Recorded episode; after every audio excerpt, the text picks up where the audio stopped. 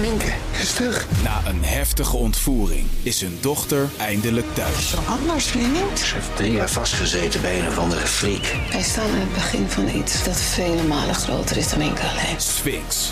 Ik ben nergens veilig. Vanaf 22 maart alleen bij Videoland. Dit is de podcast Politiek Dichtbij. Met Leendert Beekman en Tobias Den Hartog. Ja, nog steeds geen Tobias Den Hartog. Die is lekker eh, op vakantie. Hier ook kan je. Ja, dus Hans van Soes zit, eh, zit gewoon weer bij ons. Net zoals dat hij dat eh, gisteren deed. En we gaan een update maken. Normaal zijn we er maar één keer per week.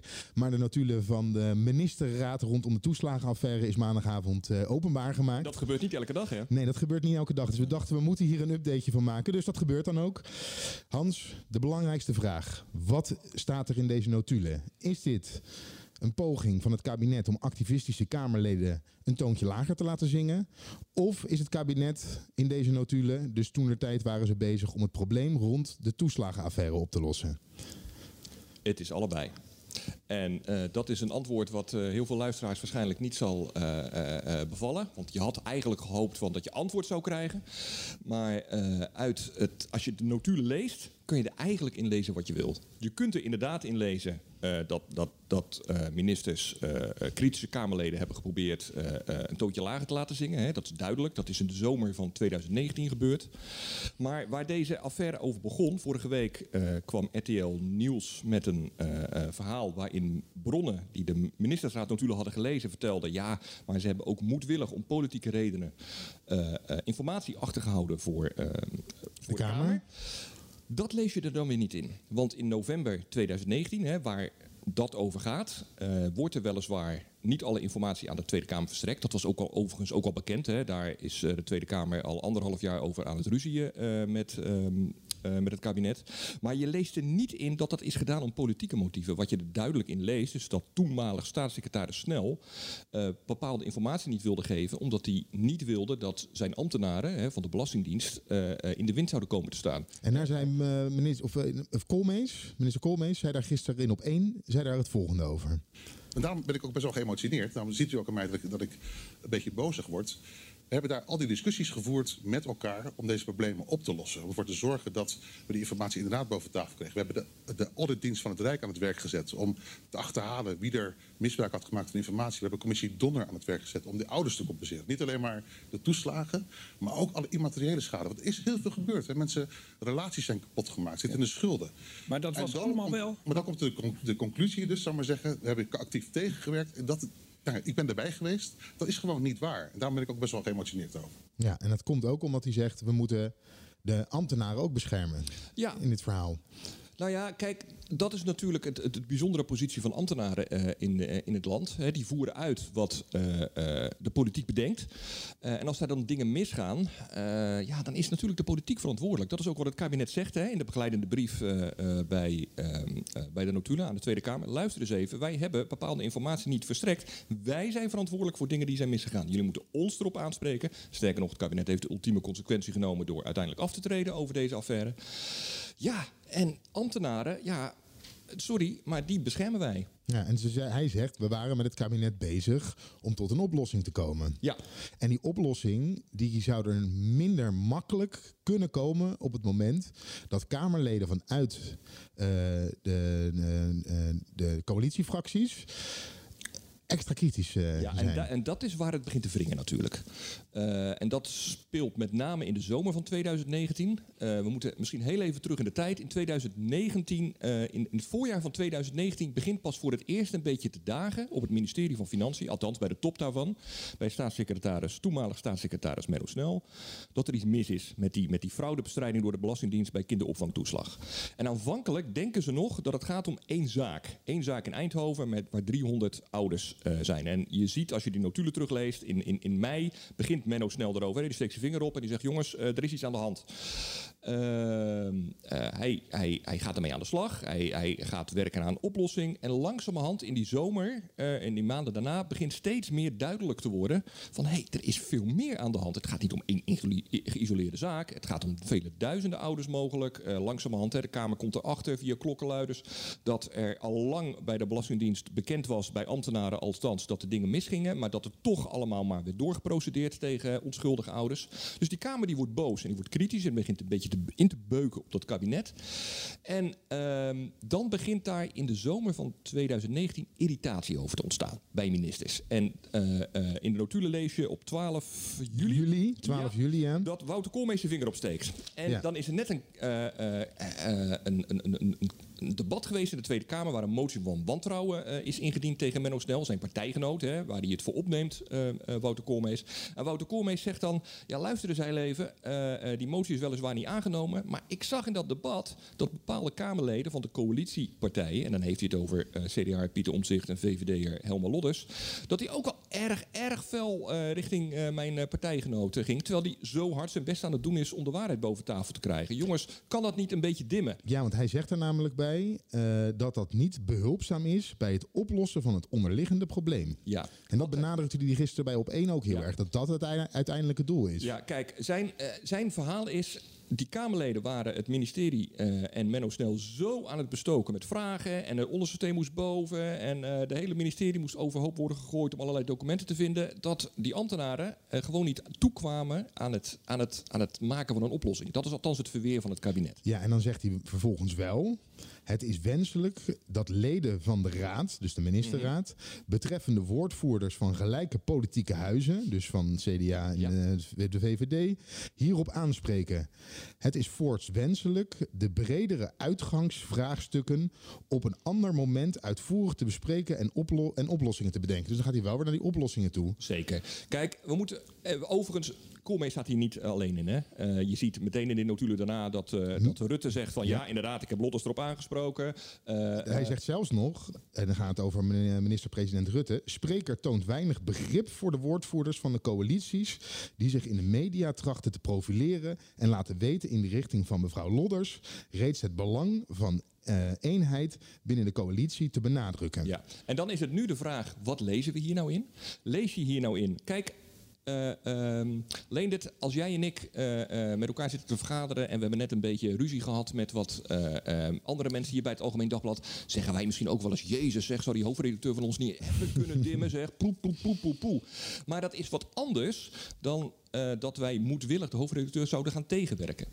Ehm, en wat er hier is gebeurd, blijft toch een beetje vaag. Ze hebben weliswaar eh, aan- tegen die Kamerleden gezegd... Jezus, zouden jullie niet eens even wat minder fel kunnen zijn tegen Menno Snel... en even wat minder vragen kunnen afvuren... zodat we, alsjeblieft jongens, we zijn bezig aan een oplossing. Ehm, eh, maar dat ze ook echt hebben geprobeerd dingen onder de pet te houden... Hè, zoals de oppositie hierin leest... Ja, je kunt het er ook in lezen. Maar Zal ik nog even doorgaan? Minister Hoekstra, ook belangrijk. Ja, leider zeker. van het CDA nu. Eh, minister Hoekstra sluit zich aan bij minister Koolmees, hè, wat we net besproken Mhm. hebben. En laat weten dat de relatie tussen het kabinet en de coalitiefracties in de Tweede Kamer ingewikkeld te noemen is. Nou, daar zegt hij volgens mij eh, niets geks. Vervolgens, minister Ollongren kan zich eh, vinden in de bijdrage van de sprekers. Dus ook hè, dat het lastig is Ja. om met die Ja. opstandige Kamerleden om te moeten gaan. En dan krijgen we Kaag, de, de huidige leider van, van D66. Die laat weten minder moeite te hebben met het eh, verschijnsel eh, dat leden de coalitiefracties in de Kamer eh, eh, Ja. oh ja, eh, leuk- het openlijk tegenspreken. Want dat is namelijk, dat is immers eh, gezond in een democratie en een teken dat het, eh, dat het, goed- ja, het dus goed gaat. gisteren, gisteren bij deze, eh, gisteravond eh, waren ze bij D66 er was de kippen bij om te zeggen: kijk eens even, onze Kaag eh, heeft, eh, hè, die is wel voor dualisme. Alleen dan moet je het citaat wel even helemaal uitlezen. Dan staat er namelijk een zinnetje verderop dat ze zegt: wel, ik heb daar minder moeite mee. Maar ja, ik vind wel dat we binnen de coalitie afspraken moeten, gaan maken. Hè. Daar moeten we de fractievoorzitters bij betrekken. Hoe ver we daarin kunnen gaan. Dus ze willen het wel degelijk aan banden leggen. Ja.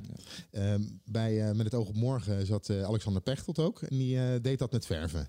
Die zei namelijk... Ik hoorde het ook. Ja, ja, ja, Toen dacht ik wel, ja, meneer Pechtold, lees dan ook het hele citaat. Wees wel zo eerlijk. Ehm, ja, het is een. eh, het blijft. eh, het, kijk, het is natuurlijk altijd. Je wist van tevoren, als je notulen gaat openbaren, daar staan altijd dingen in die niet zo fraai zijn. Eh, en het kabinet heeft het gedaan, omdat vorige week natuurlijk echt het beeld ontstond dat eh, de Kamer moedwillig is voorgelogen. Dus ze hoopten eigenlijk, hè, de formatie ligt op zijn gat, alle partijen vertrouwen elkaar niet meer. Ze hoopten dat ze met deze actie, het vrijgeven van deze notulen, ja, dat, ze, dat ze het vertrouwen weer een beetje konden herstellen. Maar ja, je kon natuurlijk van tevoren op je klompen aanvoelen, dat zou niet gebeuren. Want ja, in notulen Eh, het is altijd een gespreksverslag eh, waarin bepaalde context ontbreekt. Hè. Het is gewoon, ja, wat als je een woordelijke gesprek tussen jou en mij van anderhalf jaar geleden weergeeft, dan weet je ook niet precies in welke context het is gezegd. Daar kun je altijd alle kanten mee op. En dat is precies wat er nu ook gebeurt. De, de regeringspartijen zeggen, zie je nou wel, er is helemaal niks aan de hand. We hebben niks onoorbaars gedaan. En de oppositiepartijen, ja, die schreeuwen moord en brand. En die roepen van, er zijn verschrikkelijke dingen gebeurd. Ja.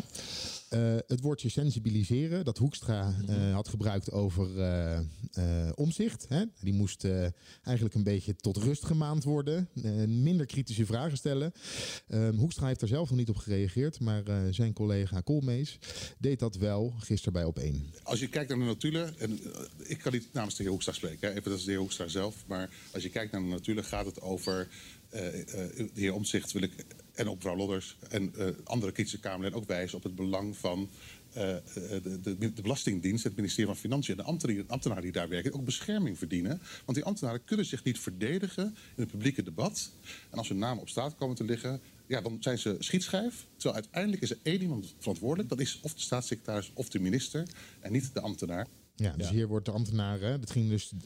Ja, wat hier ook meespeelt is bepaalde ergernis bij ministers dat er natuurlijk een net wordt gedaan alsof de Kamer eh, voortdurend tegenover het kabinet stond in die affaire. En dat is ook niet zo. In die maanden waren er voortdurend overleggen tussen de Kamerleden van de coalitiefracties en eh, Menno Snel en de andere betrokken ministers over jongens, hoe gaan we dit oplossen? Er is voortdurend echt maandenlang achter de schermen met elkaar gesproken. Jongens, welke informatie hebben we? Hoe erg is het? Hoe Ja. gaan we het oplossen? En wat er vervolgens gebeurde, en daar zijn die ministers eh, eh, een, beetje, een beetje gepikeerd over, blijkt in die zomer. Ja, dan zijn we samen aan het werk aan een oplossing. En dan komt er een Kamerdebat, er staan de camera's bij. En dan gaan ze ineens net doen alsof zij superkritisch zijn en ons lopen aanvallen. Daar zit een beetje de pijn. Overigens is dat natuurlijk wel de rol van. eh, eh, Ja, maar eh, Omzicht had dus ook gezegd, en dat lees je er ook in, dat, dat er ook veel irritatie was over het feit dat hij ambtenaren incompetent had genoemd. Ja, en dat is natuurlijk waar. dat is in die zomer hè, waar eh, Hoekstra overvalt. Ja, Hoekstra is minister van. en uiteindelijk verantwoordelijk, hè, voor, ook voor de Belastingdienst. Ik bedoel, alle aandacht ging naar Menno Snel. Maar uiteindelijk is de politieke baas van Financiën is eh, CDA eh, Wopke Hoekstra. Ja, en die ging dan voor zijn ambtenaren staan. Die zei, ja, potverdomme, je kan toch mijn ambtenaren niet incompetent noemen? Daar was hij boos over. En sterker nog, in het najaar, hè, als we het nog even hebben over die ambtenaren... begint Menno Snel nog een keer te klagen. Dat is eh, als die beruchte tijdlijn wordt gevraagd door de Tweede Kamer. Die willen dan precies weten wie was waar op welk moment van op de hoogte. Nou ja, Menno Snel voelt aan, ja, ze gaat er niet om wat wij op welk moment wisten... want dat hebben we allemaal al gedeeld. Nee, ze willen weten wat individuele ambtenaren precies wisten. En dan zegt Menno snel, eh eh, Omtzigt lijkt op zoek te gaan naar namen van schuldigen. Hè? Eh, op dat moment legt ook al uit dat de Kamer zou overwegen om aangifte te gaan doen bij, de, bij het Openbaar Ministerie tegen bepaalde am- ambtenaren.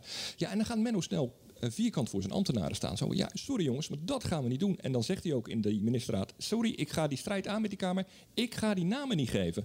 Ik ben verantwoordelijk. Ik ga niet deze toeslagenaffaire op een paar individuen afschuiven. Het is een enorme systeem fuck-up. Het is verschrikkelijk wat er is gebeurd. Maar je kunt niet zeggen dat een paar eh, eh, kwaadwillende ambtenaren hier schuld aan zijn. Het hele systeem deugt niet. Nee, en die toeslagenaffaire, we hebben 30.000 slachtoffers daarvan. Zijn die nou geholpen met het openbaar maken van de notulen van de ministerraad, eh, ministerraden, waarin gesproken is over die eh, toeslagenaffaire? Zijn zij geholpen? Nee, natuurlijk niet. Dus- dit, is puur, dit is alleen maar voor de, voor de Tweede Kamer. Ja, dus dit is nu politiek. Ja. Ja. En dan moeten we vooruit gaan kijken naar de formatie. Is de formatie hier dan bij geholpen? Ach, nee, ook niet. Kijk, het, het, een beetje het, het, het, het pijnlijke van deze hele ruzie. En eh, eh, dat mag je, vind ik, ook wel de, de Tweede Kamerfracties aan eh, eh, eh, verwijten. De verkiezingen zijn geweest. En partijen zijn eigenlijk alleen nog maar bezig met het verwerken van die verkiezingsuitslag en met zichzelf. Eh, eh, ze hebben ruzie, eh, ze zijn boos op elkaar, ze willen niet met elkaar, eh, ehm, eh, ze hebben intern problemen. Kijk dan wat er bij 50PLUS gebeurt, wat bij, de, bij het CDA gebeurt. Ehm, eh, ze zouden nu natuurlijk bezig moeten zijn met het oplossen van de problemen. We zitten in een fucking grote crisis. Eh, doe wat. Hè. Je zag van de week ook eh, de oproep van de sociale partners richting, het, eh, richting de partijen in de Tweede Kamer. Eh, Telegraaf opende daar maandag de krant mee van alsjeblieft, ga het land, land eens een keer regeren. Ehm, dat speelt natuurlijk wel mee. Het is, Maar- als de we naar die- Kamer is op dit moment heel erg bezig. Den Haag is heel erg bezig met zichzelf op dit Ja. moment. Neemt niet weg dat natuurlijk uit deze notulen wel een, een, een, een luchtje op walmt. Wat een beetje riekt. eh, alleen dat het is. Het is natuurlijk niet fraai dat ministers zo eh, zitten te klagen over kritische Kamerleden. Ja, punt. Ja, maar dat was dus eigenlijk al bekend. Dus als we naar de formatie kijken, die zit muurvast. Dus laten we wel het uitgangspunt nemen dat we in een formatie zitten die, waar geen beweging in zit. Nee.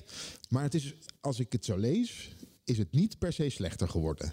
Want ehm, wij maakten ons gisteren nog zorgen over, eh, over Hoekstra, die misschien extra schade zou, eh, zou, eh. Ja, extra beschadigd zou meer worden. het sensibiliseren heb ik er niet in gelezen. Nee, precies. Dus CDA is niet extra beschadigd. En eh, ze kunnen, de, eh, de, de bijna gespleten partij blijft de bijna gespleten partij. Ja, de, de, de relatie Hoekstra-Omtzigt is niet verder beschadigd. Nee. Eh, Rutte is ook niet verder beschadigd. Eh, D66 is al weken aan het roepen dat er meer dualisme moet komen en meer transparantie. Ja, maar de leider daarvan zegt dat eigenlijk wel. Ja, en ook weer niet. En ook weer niet, maar niet op een dusdanige manier dat ik denk, hier, hè, dus donderdag gaat de Kamer hierover debatteren. Eh, daar gaat ze niet uitkomen. Ik heb het gevoel dat iedereen donderdag, nou niet onbeschadigd, maar in Nee, ieder geval... Iedereen komt er een beetje beschadigd uit, maar ehm, eh, niet zo beschadigd dat het formatieproces niet door zou kunnen gaan. Dat ben ik wel met je eens. Tegelijkertijd, nou, ik denk dat je twee dingen kunt zien na eh, eh, gisteravond. Ik denk dat je zult zien dat de eh, partijen die het, het motorblok moeten gaan vormen van het nieuwe kabinet, namelijk VVD en D66, wel een beetje meer naar elkaar toe zijn geduwd door eh, wat er is gebeurd. Omdat ehm Sigrid Kaag zei eh, een paar weken geleden nog... eh, nou, eh, ik moet nog maar zien of ik het vertrouwen nog heb in eh, Mark Rutte. Nou moet het maar bewijzen. En dualisme en nieuwe politiek. Zij heeft de afgelopen week ook niet laten zien dat zij nou van de zo... Zij is ook Nee, best ja. wel van de oude politiek. hè, Ja, en van, ik weet niet of ik erbij was. Misschien Ja. zat ik wel een niger. Nee, En, dat eh, kan ze ook ja. eigenlijk niet meer met droge ogen volhouden. Want ze is duidelijk bij deze. Hè, ze, is, Ja. eh, ze heeft ook deelgenomen aan het. ook eh, met de vingers tussen de deur. En ze Ja. zit natuurlijk met koolmees in haar maag. Hè, die, die wel eh, heeft gezegd. eh, en Longren, die ook Ja. zich heeft uitgesproken. Zo van nou moeten die Kamerleden niet een beetje dimmen. Maar ja, die kan je lozen. Ja, maar lo- kijk of het zo werkt. Het gaat nu eerst even stap voor stap. Het gaat nu eerst hebben partijen überhaupt vertrouwen om met elkaar samen te gaan. Ik denk dat VVD en D66 nu allebei een beetje het gevoel hebben, zeker bij D66, nou ja, we zitten in hetzelfde schuitje. eh, eh, die, dat zie ik nog wel goed komen. Dan moet het CDA erbij. Ja, dat, wordt, dat blijft moeilijk. Maar dat is op zich niet moeilijker geworden na gisteren. Want ja, ik zie niet meer... Behalve dat sensibiliseren eh, lees ik er niet andere dingen in... die Hoekstra over zijn nummer twee heeft gezegd... die echt heel lelijk zijn. Maar dan komt, wie gaat deze coalitie aan de meerderheid helpen? Nou ja, alle partijen eh, hebben gisteravond... eh, het, ze lagen nog niet op straat of... eh, Ze hadden al gereageerd. Ze hadden al gereageerd. En Nou, het was allemaal van dezelfde strekking. Zie je wel, ze hebben dingen in de doofpot gestopt. En onbetrouwbaar. En ze moeten allemaal weg. Rutte, of Wilders, die heeft zelfs, wil zelfs dat er aangifte wordt gedaan tegen het kabinet. wegens een ambtsmisdrijf. Ja. Eh, Nou, schets het debat is van donderdag. Nou, Wat gaat er gebeuren? Wat gaat de Partij van de Arbeid zeggen? eh, nou, ja, eh, Lilianne Ploemen heeft al bewezen dat ze er met gestrekt been ingaat sinds ze is aangetreden. Die gaat dit kabinet geen helpende hand bieden. Nee. En Jesse Klaver, zal die, zal die zich een beetje gedijst houden? Gezien die nog wel kans maakt op deelname aan een nieuw kabinet? Eh, hij zou zich eh, eh, misschien net iets minder hard uitlaten. Maar hij kan het zich ook niet permitteren om niet mee te gaan in die, in die golf van verontwaardiging bij de rest van de oppositiepartijen. Dus ik, ik vrees echt dat die formatie echt nog heel lang gaat duren, Leendert. Want niet alleen voor gisteren was vooral Rutte meelaats. Maar eigenlijk is na gisteren is, zijn alle drie de middenpartijen, VVD, D66, CDA, een beetje meelaats eh, voor de, de oppositie geworden. Komt er nu een periode waarin we in wat rustiger vaarwater gaan komen? Daar kan je eigenlijk niet zoveel over zeggen, denk ik. Maar, Ooit, ooit, ja, ooit. Ja, maar voorlopig nog even niet. Nee, waarom niet? Omdat iedereen zich veel te veel heeft ingegraven in een schuttersputje. Ja, daar klim je niet zomaar uit. Bovendien, iedereen, al die politici zitten de hele dag alleen maar op Twitter te kijken eh, eh, hoe eh, eh, mensen op hen reageren. Ja, die laten zich enorm opfokken. Eh, eh, die, eh, eh, ik zie Ploemen echt geen. eh, eh, ik zie Ploemen niet toetreden tot dit kabinet. Nee. Wat heeft dit ons nou gebracht tot slot? Nou, heel veel. Eh, een, een, inkijkje in een, eh, hoe lelijk politiek kan zijn. Mhm. Eh, dat, dat, dat vooropgesteld. Eh, ja, Wim en Voerman zat en gisteren ook bij op één, hè? En Ja. die, was, die was toch wel wat strenger dan, eh, dan wij misschien wel zijn op, eh, op die, eh, wat er in die notulen staat. Eh, ja, maar goed, Wim Voermans heeft natuurlijk een andere rol. Hoogleraar van de Universiteit Leiden. Ja, Ja. ja. dat, ja, hij is altijd. Kijk, Wim Voermans. Er speelt namelijk al een, een, een langere discussie tussen de Kamer en de, het kabinet. Die is overigens in januari beslecht uiteindelijk. En dat was, ging over informatieplicht. Hè? En dat lees je dus ook terug in die notulen.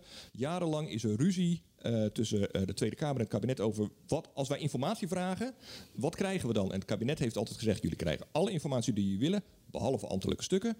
Eh, en eh, Voermans was een van die hoogleraren die altijd heeft gezegd: luister eens even, ook het geven van ambtelijke stukken valt onder de informatieplicht, hè, artikel 68 van de grondwet. En uiteindelijk heeft het kabinet in januari, meen ik, gezegd: oké, oké, voortaan eh, leggen wij die informatieplicht anders uit. Aanstaande donderdag gaat de Kamer in debat over de notulen van de ministerraad rondom de toeslagenaffaire, die dus maandagavond bekend is geworden.